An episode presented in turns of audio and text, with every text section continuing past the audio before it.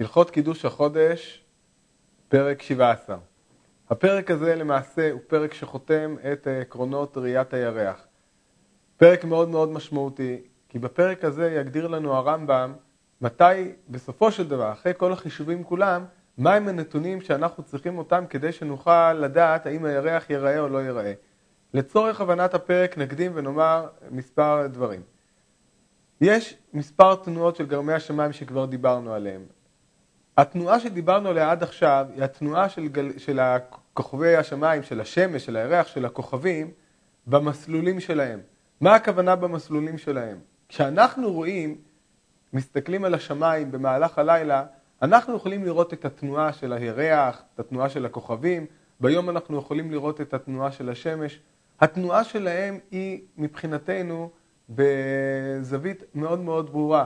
הזווית של כ-32 מעלות, שכיוון שארץ ישראל נמצאת בקו רוחב 32, אז לכן אנחנו נראה את התנועה של כל גרמי השמיים כאילו הם אה, הולכים באיזשהו מעגל שנוטה מעל האופק בזווית של 32 מעלות. כל הכוכבים כולם, השמש, הריח, כולם, הם אה, נעים בתנועה הזאת, שהיא בעצם למעשה תנועה שמקבילה לקו המשווה השמימי. יש קו שהוא מוגדר כקו המשווה השמימי, זהו קו שהוא כמו שיש לנו קו המשווה בכדור הארץ, נדמה לעצמנו שישנו קו כזה שהוא קו אה, בחלל כולו, מעין כדור שיש לו קו כזה, ולכן כל הכוכבים כולם ינועו בזווית הזו של 32, אה, במעגל שהוא אה, בזווית של 32 מעלות כלפי כדור הארץ. התנועה שדיברנו עליה עד עכשיו היא לא התנועה הזאת. אנחנו דיברנו עד עכשיו על התנועה של הכוכבים, של השמש, של הירח, במס... במעגלים שלהם. משמעות הדברים, כל יום אנחנו נראה את השמש בזריחה, אנחנו נראה אותה באיזשהו מקום אחר בשמיים. אותו דבר את הירח, אנחנו נראה אותה במקומות אחרים. כשאנחנו בוחנים את השינוי בתנועה שלהם מיום ליומו, אנחנו יכולים לראות איזשהו מעגל מסוים, או אוסף מעגלים, תלוי בדיוקים השונים של, של התוכנים, אבל מבחינתנו ישנו קו מסוים שעליהם הם נעים, המיקום שלהם נע, והקו הזה הוא הקו שדיברנו עליו עד עכשיו, הקו של אה, גלגל המזלות ושל השמש, שקוראים לו גם מילקה, או הקו של אה, מעגל הירח שדיברנו עליו. אבל מנקודת מבטנו, המקום של השמש והירח במעגלים שלהם הם מאוד מאוד חשובים, אבל מה שיותר חשוב, או מה שחשוב אה, מבחינתנו, מבחינתנו זו השאלה איפה הם נמצאים בשמיים, וכמה זמן ייקח להם לנוע באותו ערב, לא במעגל שלהם, באותו ערב, באותו מעגל שהוא מקביל לקו המשווה. כי זה מה שאנחנו רואים, אנחנו רואים את הירח שוקע, אנחנו רואים אותו שוקע מנקודה מסוימת לנקודה אחרת באותה, באותה זווית שדיברנו עליה.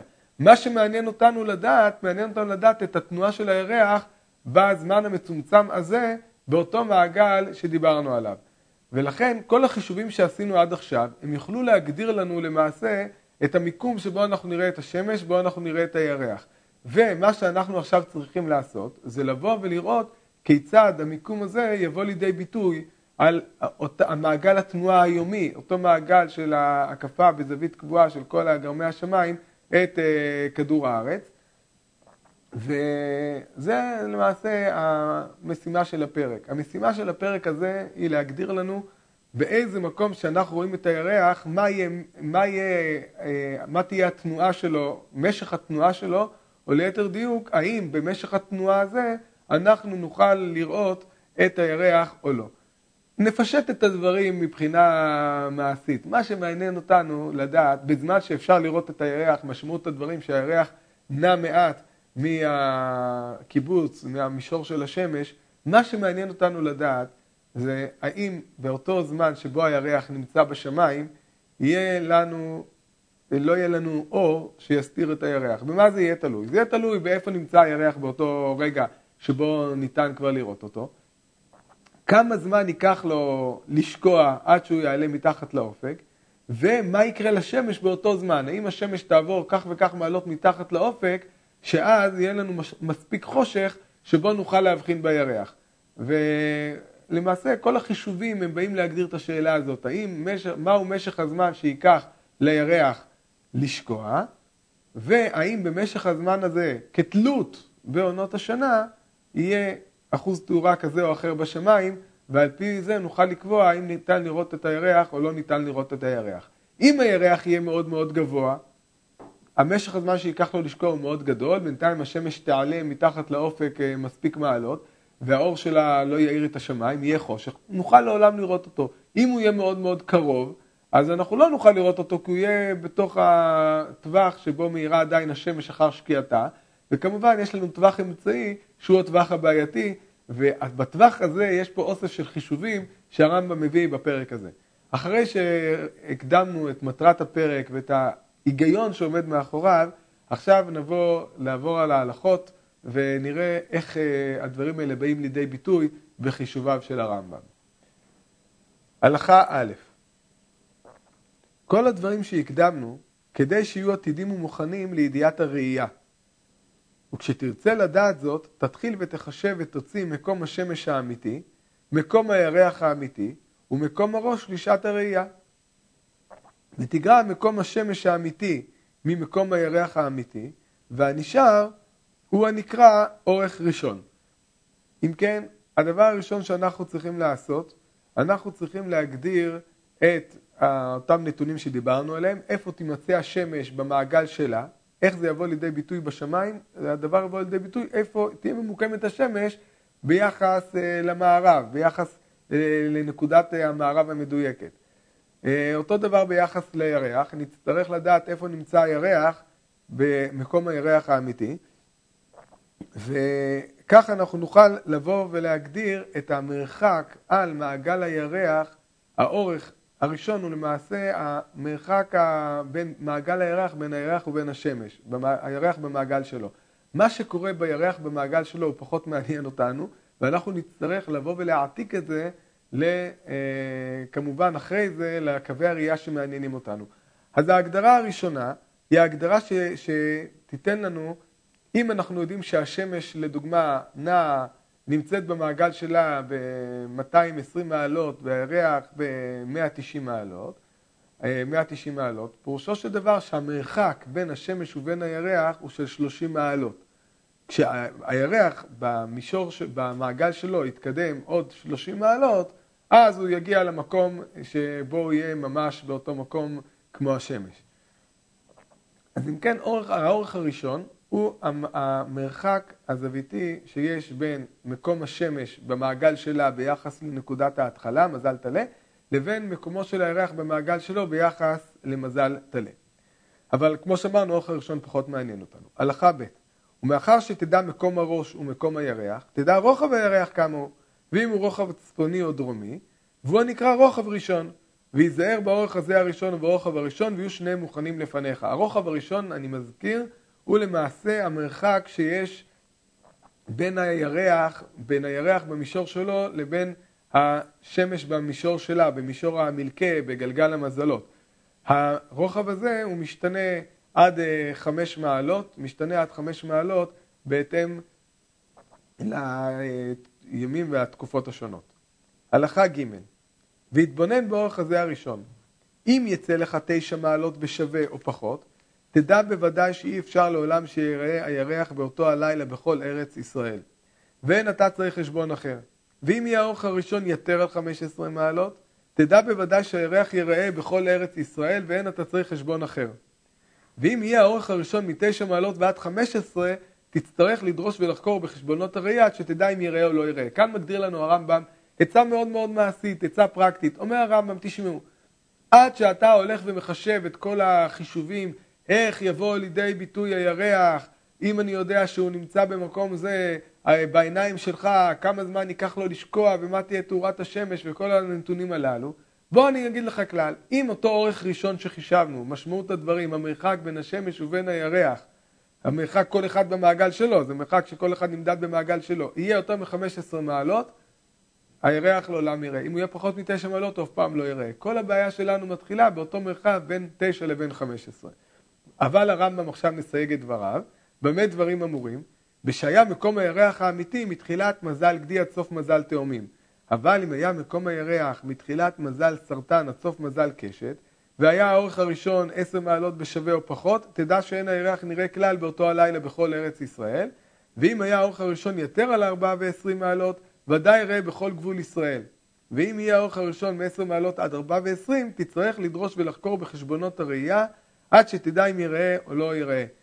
הרמב"ם פה מסייג את הדברים, ותולה את הדברים גם במקום של הירח בתוך גלגל המזולות. למה זה כל כך משמעותי?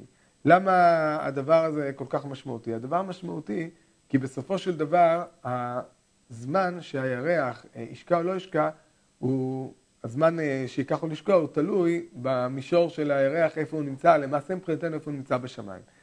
ולכן באותם חודשים שבהם, אה, החודשים שאנחנו מדברים עליהם, ממזל גדי עד סוף מזל תאומים, הירח הוא נמצא במקום כזה שלקח, מבחינתו, המרחק שלוקח לו באותו מקום, המרחק של השקיעה שלו הוא יותר מהיר. למעשה אנחנו יכולים לראות בשמש ובירח, זמן השקיעה שלהם הוא לא שווה. זמן השקיעה שלהם הוא משתנה. הוא משתנה גם אותו, אותו מרחק קווי אה, שבא לידי ביטוי באותו מקום בשמיים, מרחק השקיעה יכול להיות שונה. הדבר הזה מאוד אה, מובן למי שמבין איך בנוי כדור ומה מהירות התנועה הקווית של כל נקודה על כדור. אה, יכול להבין שככל שהנקודה יותר קרובה, ככל שהנקודה יותר קרובה לקו המשווה של הכדור, אז המהירות שלה היא יותר מהירה. ככל שהיא יותר רחוקה ויותר קרובה לקוטב שלו, ככה המהירות היא אה, יותר איטית, ולכן אנחנו חשוב לנו לדעת, כיוון שבסופו של דבר הדבר יבוא לידי ביטוי אצלנו במהירות התנועה הקווית של הירח, לכן חשוב לנו לדעת איפה ממוקם הירח בתוך, ביחס למעשה לקו המשווה השמימי, ולכן זהו שהגדיר הרמב"ם בהגדרה הזו. אם כן, אז אלו הגדרות שחוסכות לנו את כל הדיון אה, שאנחנו מיד נפרט להלן, והוא דיון לא כל כך פשוט. אלו כללים, אומר הרמב"ם, אם הירח נמצא במזלות הללו, אז זה יבוא מתחת לתשע לא תראה אותו, מעל חמש עשרה לעולם תראה אותו, אם הוא במזלות האלה, מתחת לעשר לא תראה אותו, ומעל 24 אתה תראה אותו. עכשיו, אבל במקרה שהוא נמצא בטווחי הביניים, עכשיו מתחילה מערכת שלמה של חישובים. אנחנו נשתדל להדגיש בכל חישוב מהו, מה תכליתו, וכמובן פחות להתמקד בנתונים היבשים הטכניים שנתייחס אליהם כאל כזה ראה וקדש. ואלו הם חשבונות הראייה. התבוננו ראה הירח באיזה מזל הוא. אם יהיה במזל טלה, תגרע מן האורך הראשון תשעה וחמישים חלקים. אם יהיה במזל שור, תגרע מן האורך מעלה אחת, ואם יהיה במזל תומים, תגרע מן האורך שמונה וחמישים חלקים, ואם יהיה במזל סרטן, תגרע מן האורך שניים וחמישים חלקים, ואם יהיה במזל אריה, תגרע מן האורך שלושה וארבעים חלקים, ואם יהיה, יהיה במזל בתולה, תגרע מן האורך שבעה ושלושים חלקים. ואם יהיה במזל מאזניים, תגרע מן האורך ארבעה ושלושים חלקים, ואם יהיה במזל הקרב, תגרע מן האורך ארבעה ושלושים חלקים, ואם יהיה במזל קשת תקרא מן האורך שישה ושלושים חלקים, ואם יהיה במזל גדי תקרא מן האורך ארבעה וארבעים חלקים, ואם יהיה במזל דלי תגרע מן האורך שלושה וחמישים חלקים, ואם יהיה במזל דגים תגרע מן האורך שמונה וחמישים חלקים, הנשאר מן האורך אחר שגורע ממנו אלו החלקים הוא נקרא אורך שני. מהו אורך שני? למעשה כל החישובים שחישבנו אותם עד עכשיו היו חישובים מנקודת המתבונן ממרכז כדור הארץ. אלא מה? שאף אחד מאיתנו לא עומד במרכז כדור הארץ, במרכז העיגול, אי אפשר לעמוד שם גם, ואין לנו לא דרך טכנית ולא אי אפשר לשרוד שם, ואנחנו עומדים למעשה על קליפת כדור הארץ. המרחק בין אה, מרכז כדור הארץ לבין אה, פני כדור הארץ הוא מרחק לא מבוטל, כמובן תלוי ביחס למה. אם אנחנו באים לדבר על המרחק בין, בין השמש, ביחס לשמש, אז ההבדל הזה הוא הבדל זניח. אבל כאשר אנחנו באים לדבר ביחס לירח, שהמרחק אל הירח הוא סדר גודל של פי 60 מגודל הרדיוס של כדור הארץ, אז מדובר על מרחק בכלל לא זניח, שיש להתייחס אליו. וזהו התיקון שאנחנו מתקנים פה. האורך השני למעשה הוא תיקון של המידה שקיבלת אותה עד עכשיו לנקודת הצפייה מפני כדור הארץ ולא ממרכז כדור הארץ. אומר הרמב"ם, ולמה גורים חלקים אלו? לפי שמקום הירח האמיתי אינו המקום שיראה בו, אלא שינוי יש ביניהם באורך וברוחב, והוא הנקרא שינוי המראה. ושינוי מראה האורך בשעת ראייה, לעולם גורים אותו מן האורך, כמו שאמרנו. כן, זה מה שהרמב"ם אומר לנו למעשה, הוא לא מסביר את ההסבר שהסברנו, אבל הוא מסביר לנו את ה... אה, שישנו פער שאליו אתה צריך להתייחס. אבל שינוי מראה הרוחב, אם היה רוחב הירח הצפוני, כפי שהדבר בא לידי ביטוי מבחינת האורך, הוא גם יבוא לידי ביטוי מבחינת הרוחב. אם היה הרוחב הירח צפוני גורעים חלקים של שינוי מראה הרוחב מן הרוחב הראשון, ואם היה הרוחב הירח דרומי, מוסיפים החלקים של שינוי מראה הרוחב על הרוחב הראשון, ומה שיהיה הרוחב הראשון אחר שמוסיפים עליו וגורעים ממנו אותן החלקים, הוא הנקרא הרוחב שני, אותו עיקרון, רק פה זה משתנה, זה לא תמיד אה, לגרוע, הדבר משתנה כבר במיקומו של הירח ביחס לנקודת, אה, ביחס למישור תנועת השמש, ויש לעשות את התיקון הזה שיוביל אותנו לדבר נתון יותר מדויק, כפי שהדבר יבוא לידי ביטוי בעיניים שלנו. וכמה הם החלקים שמוסיפים או גורעים אותם? אם יהיה הירח במזל טלה תשעה חלקים, אם יהיה במזל שור עשרה חלקים, ואם יהיה במזל תאומים שישה עשר חלקים, ואם יהיה במזל סרטן שבעה ועשרים חלקים, ואם יהיה במזל הרי שמונה ושלושים חלקים, אם יהיה במזל בתולה ארבעה וארבעים חלקים, אם יהיה במזל מאזניים שישה וארבעים חלקים, אם יהיה במזל הקו חמישה וארבעים חלקים, אם יהיה במזל קשת ארבעה וארבעים חלקים, ואם יהיה במזל גדי שישה ושלושים חלקים, ואם יהיה במזל דלי שבעה ועשרים חלקים, ואם יהיה במזל דגים שנים עשר חלקים, ומאחר שתדע חלקים אלו, תגרע אותם מן הרוחב הראשון או תוסיף עליו כמו שהודענו לך, ויצא לך הרוחב השני. וכבר ידעת אם הוא צפוני או דרומי, ותדע כמה מעלות וכמה חלקים נעשה זה הרוחב השני, ותכין אותו לפניך ויהיה עתיד. יהיה עתיד, יהיה מוכן. אם כן, אז זהו התיקון הראשון שעשינו. כפי שאמרנו, התיקון מהחישוב התיאורטי למרכז כדור הארץ, שנוח מאוד להשתמש בו מבחינה חישובית, לבין התיקון לנקודת הראייה של האדם העומד על פני כדור הארץ, הן במישור האורך והן במישור הרוחב. קיבלנו את האורך השני והרוחב השני. עכשיו אנחנו מגיעים לתיקון נוסף. אה, מה התיקון הנוסף? התיקון הנוסף הוא למעשה הרצון שלנו להעביר את הירח לאותו מישור שבו נמצאת השמש. יהיה לנו הרבה יותר נוח לחשב את המרחק בין השמש ובין הירח אם אנחנו נוכל לעשות איזשהו היטל של מיקומו של הירח בגלגל שלו, איך הוא יבוא לידי ביטוי תיאורטית במעגל, במעגל השמש. ככה אנחנו נוכל לחשב את המרחק שיש בין השמש לבין הירח שהוא הדבר שלמעשה מעניין אותנו, כי מעניין אותנו לדעת האם בזמן שהשמש תשקע כך וכך, הירח יוכל להיראות או לא יוכל להיראות.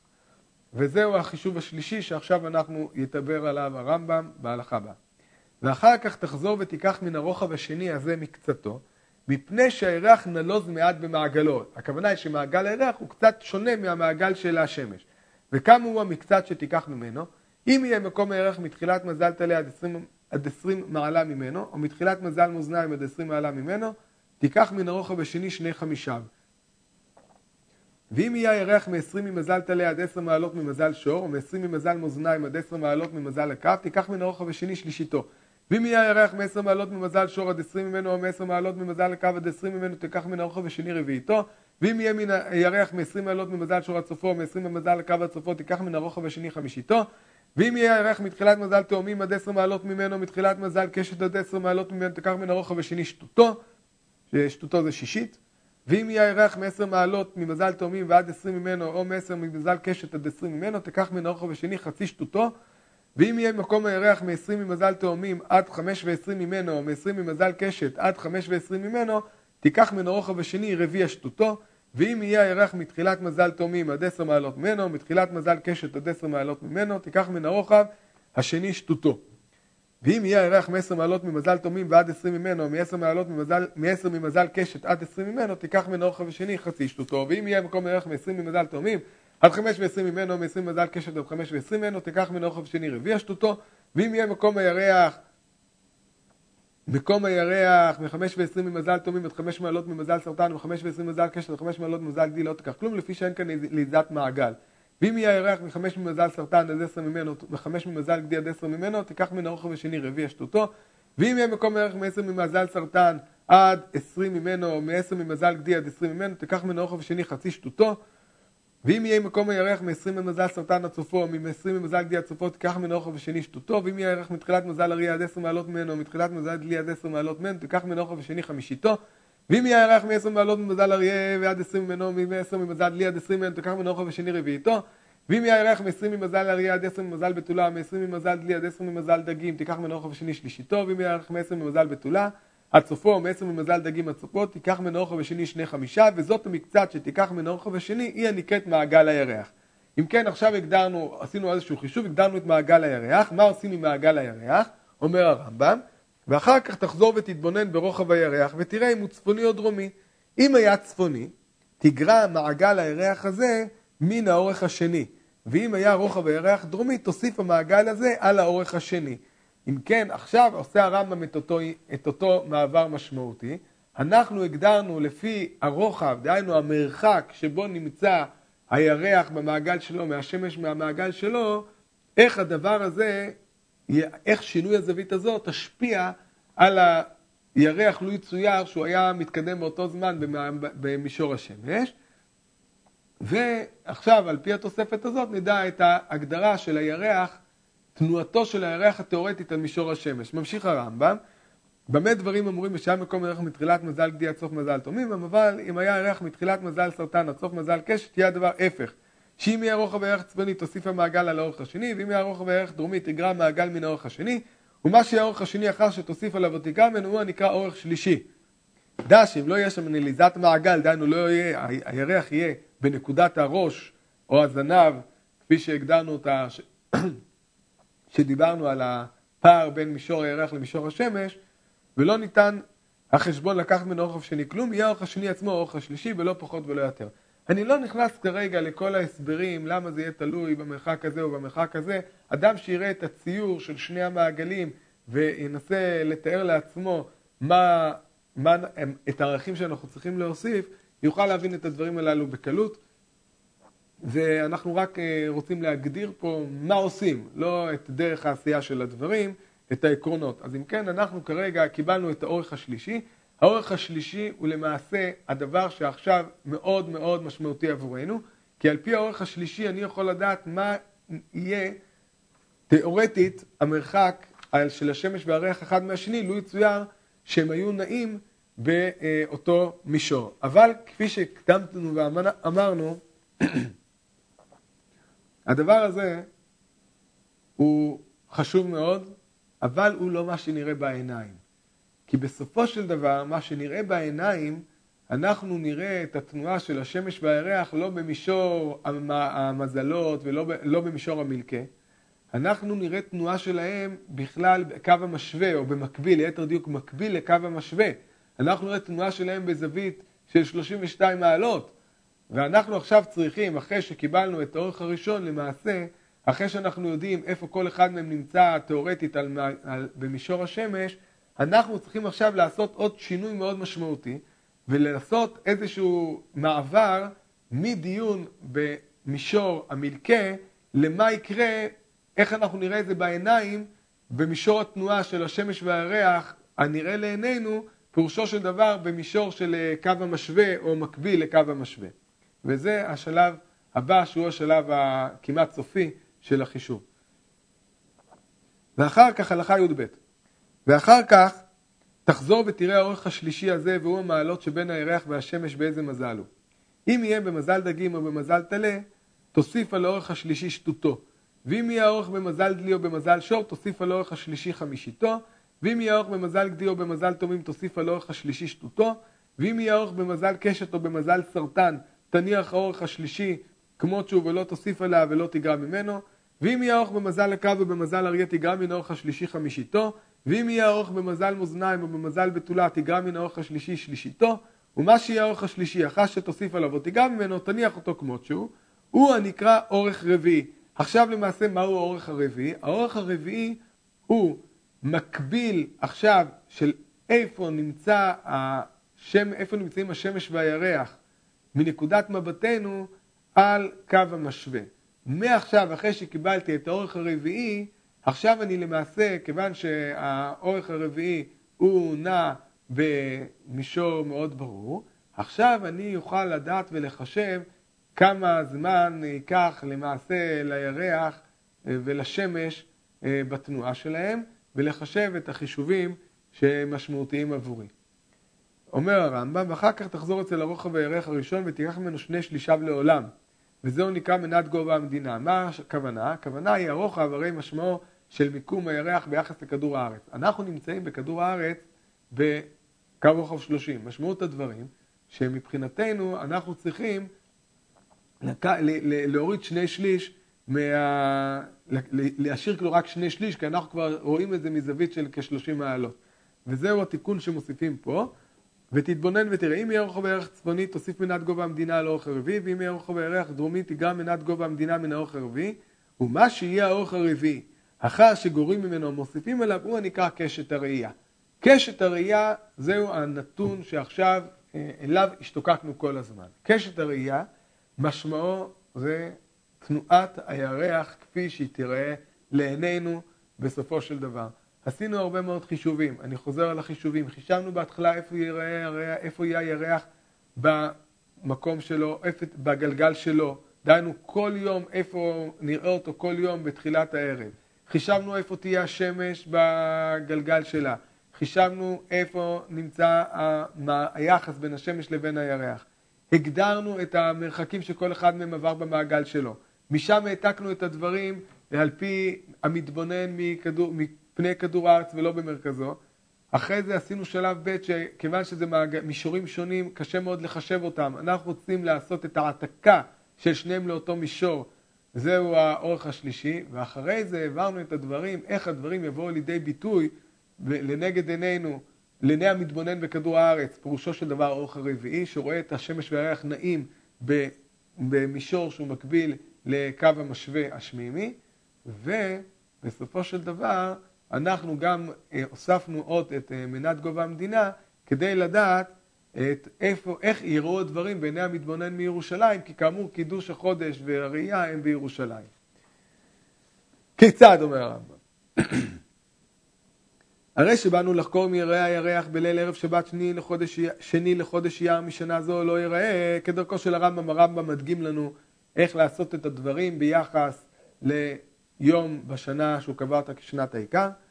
תוציא מקום השמש האמיתי ומקום הירח האמיתי ואורך בערך לשעה זו כמו שהודענוך, יצא לך מקום השמש האמיתי בשבע מעלות ותשעה חלקים ממזל שור סימנו ל"ז ט'.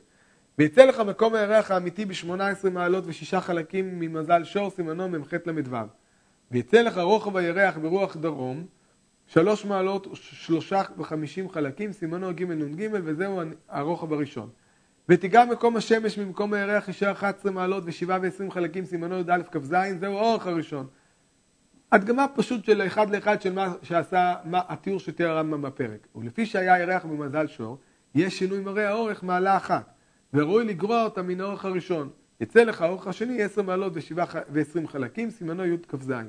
וכן יש שינוי מראה הרוחב עשרה חלקים, ולפי שרוחב הירח היה דרומי, ראוי להוסיף אליו שינוי המראה שהוא עשרה חלקים, יצא לך הרוחב השני ארבע מעלות ושלושה חלקים, סימנו ד' ג', ולפי שהיה הירח בשמונה עשרה מעלות ממזל שור, ראוי לקח מן הרוחב השני רביעיתו, והוא הנקרא מעגל הירח, יצא לך מעגל הירח לעת זו מעלה אחת וחלק אחד, לפי שאין מדקדקים בשניות, כפי שאמרנו השניות הן פחות מעניינות אותנו, הרמב"ם מדגיש את זה פעמים רבות, בחישובים התכליתיים הדבר הזה הוא כבר יהיה חסר ביטוי למעשה. הלכה י"ד, ולפי שרוחב הירח דרומי מקום הירח האמיתי בין ראש גדי וראש סרטן, ראוי להוסיף על המעגל על האורך השני, יצא לך האורך השלישי, 11 מעלות ו-8 ו-20 חלקים, סימנו י"א כ"ח, ולפי שהאורך הזה במזל שור, ראוי להוסיף על האורך השלישי חמישיתו, שהוא 2 מעלות ו-18 חלקים, ויצא לך האורך הרביעי 13 מעלות ו-6 ו-40 חלקים, סימנו י"ג למ"ו, וחזרנו אצל הרוחב הראשון ולקח שני שלישיו.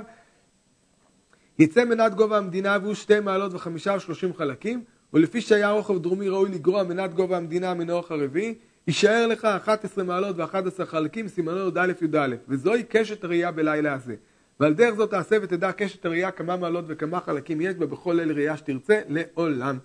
עכשיו הגדרנו את קשת הראייה, והדבר האחרון שנשאר לנו להבין הוא מה עושים עם קשת הראייה, מה, מה המשמעות של קשת הראייה ובאיזה ערכים של קשת הראייה הירח יראה ובאיזה ערכים של קשת הראייה הירח לא יראה. הלכה ט"ו ואחר שתצא קשת זו תבין בה, ודע שאם תהיה קשת הראייה תשע מעלות או פחות, אי אפשר שיראה בכל ארץ ישראל. ואם תהיה קשת הראייה יותר על 14 מעלות, אי אפשר שלא יראה ויהיה גלוי לכל ארץ ישראל. ואם תהיה קשת הראייה מתחילת מעלה עשירית עד סוף מעלה 14, תערוך קשת הראייה אל האורך הראשון, ותדע אם יראה הירח או לא יראה מן הקיצים שיש לו, ואין הנקראים קיצי הראייה. אם כן, אומר לנו הרמב"ם, הגדרנו את קשת הראייה. אם קשת הראייה היא בתחום מסוים, לא נראה לעולם את הירח. אם מתחום מסוים נראה לעולם את הירח, ועכשיו נשאר לנו תחום אפור, שבתחום הזה צריך להוסיף עוד חישוב אחד, והוא החישוב של אה, קיצי, החישוב של קיצי הראייה. משמעות החישוב של קיצי הראייה הוא למעשה אה, המהירות של תנועת השמש, והוא בא להגיד לנו את, מבחינה מעשית, הרמב"ם לא יגדיר את זה כך, הוא בא להגדיר לנו את כמות האור שתהיה בשמיים, והאם הירח יוכל להיראות או לא יוכל להיראות. אומר הרמב"ם, ואלו הן קצי הראייה. הרמב"ם כדרכו יגדיר לנו, יגדיר לנו את הדברים כנוסחה כלשהי, שאנחנו נוכל להשתמש בה. אם תהיה קשת הראייה מותר על תשע מעלות עד סוף עשר מעלות או יותר על עשר, ויהיה האורך הראשון שלוש עשרה מעלות או יותר, ודאי ייראה. ואם תהיה הקשת פחות מזה או יהיה האורך פחות מזה, לא ייראה. הדבר הזה הוא מאוד מאוד מובן, כי קשת הראייה היא מגדירה למעשה, האורך הראשון מגדיר את אה, התנועה, את ההבדל הזוויתי של הירח והשמש במעגלים שלהם, והוא למעשה יקבע לנו את המהירות התנועה של אה, השמש והירח, ולכן הדבר, האורך הראשון, המיקום של השמש והירח, הוא מאוד מאוד משמעותי לקביעת מהירות התנועה שלהם אה, בשמיים. ואם תהיה קשת הראייה מותר על 10 מעלות עד סוף 11 מעלות או יותר על 11, ויהיה האורך הראשון 12 מעלות או יותר, ודאי יראה.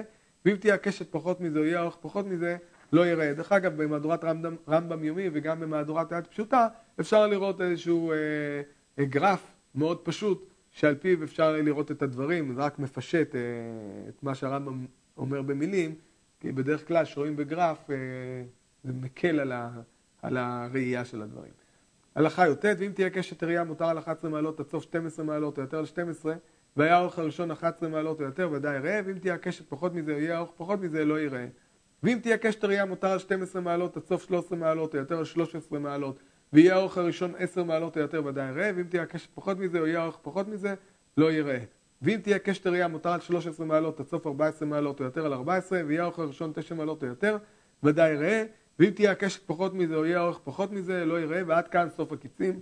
יש כאן אה, ככה איזה ביטוי, סוף הקיצים, זה נשמע, סוף החישובים גם, אה, שלנו. אה, וזהו למעשה החישוב הסופי. אז אם כן, הרמב"ם בהתחלת הפרק נתן לנו הגדרה שאמורה להקל עלינו ברוב המקרים. ההגדרה שהגדיר הרמב"ם בהתחלה, שאנחנו בכלל יודעים רק את האורך הראשון, אם אנחנו יודעים שזה פחות מ-9, יותר מ-15, או פחות מ-10, יותר מ-24, תלוי במקומו של הירח, זו הגדרה שלרוב המקרים היא מספקת.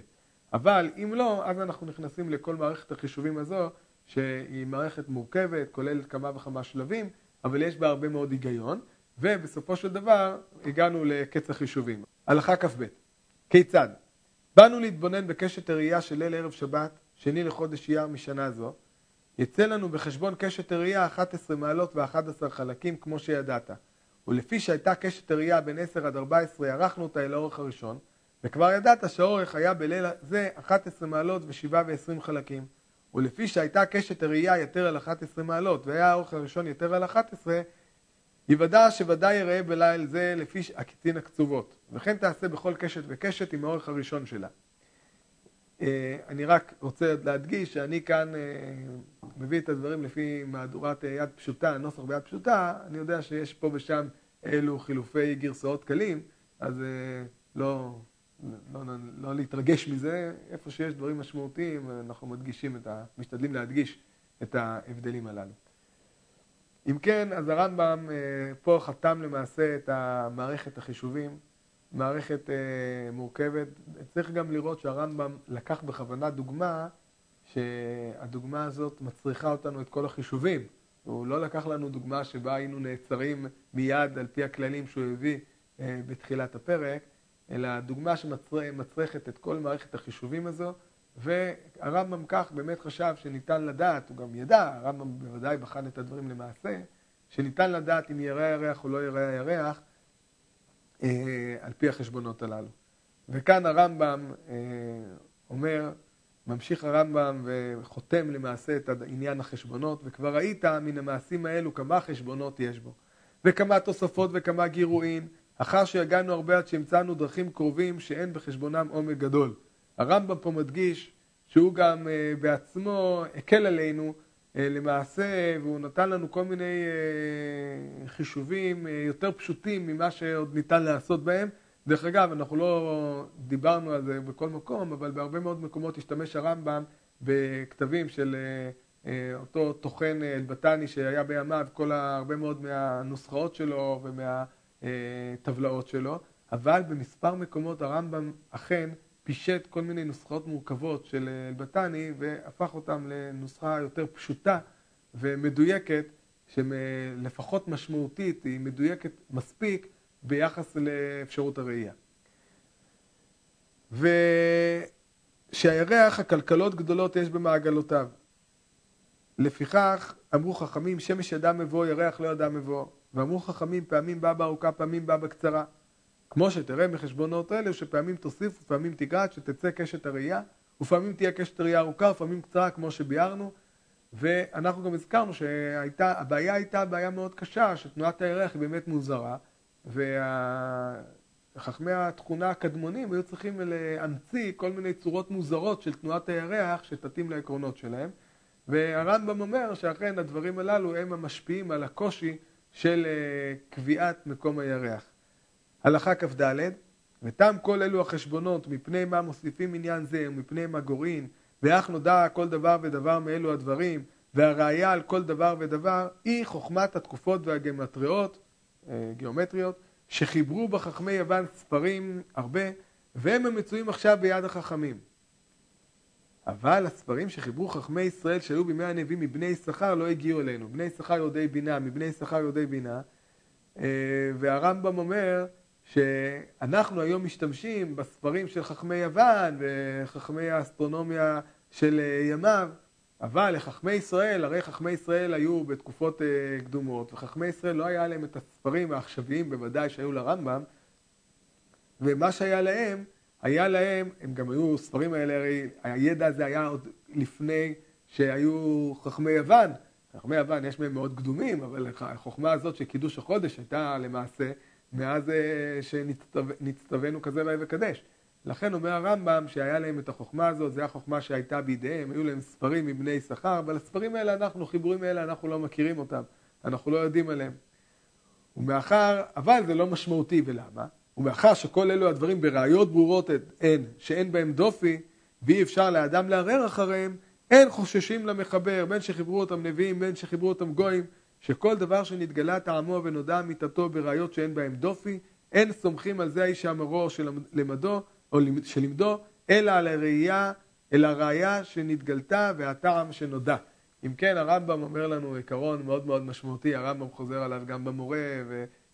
יש לנו מספר מקומות שהרמב"ם מדגיש אותם, וגם רבי אברהם בן הרמב"ם מדגיש אותם במאמר מאוד מאוד יפה שלו על אגדות חז"ל שנמצא בפתיחה של ספר עין יעקב, שקבל האמת ממי שאמרה, ואדם שאומר אמת, זה לא משנה מי הוא, אפילו אם אנחנו לא צריכים להתייחס למאמרו של אדם על פי מי הוא, אלא אנחנו צריכים לבחון את התוכן של דבריו, אפילו אדם גדול כאימן חלקל ודרדה, אם הוא טועה אז הוא טועה, ואפילו אדם קטן שבקטנים, אם הוא אומר דברי אמת, דברים שהם מוכחים וניתן לראות אותם, הדברים הללו צריך לקבל אותם ולא משנה ממי, קבל האמת ממי שאמרה, והדברים הללו תואמים לגישתו של הרמב"ם, גישתו המחשבתית וגם גישתו בכלל, והדברים האלה באים לידי ביטוי גם בהלכות ובכל החשבונות המסובכים של ראיית הירח.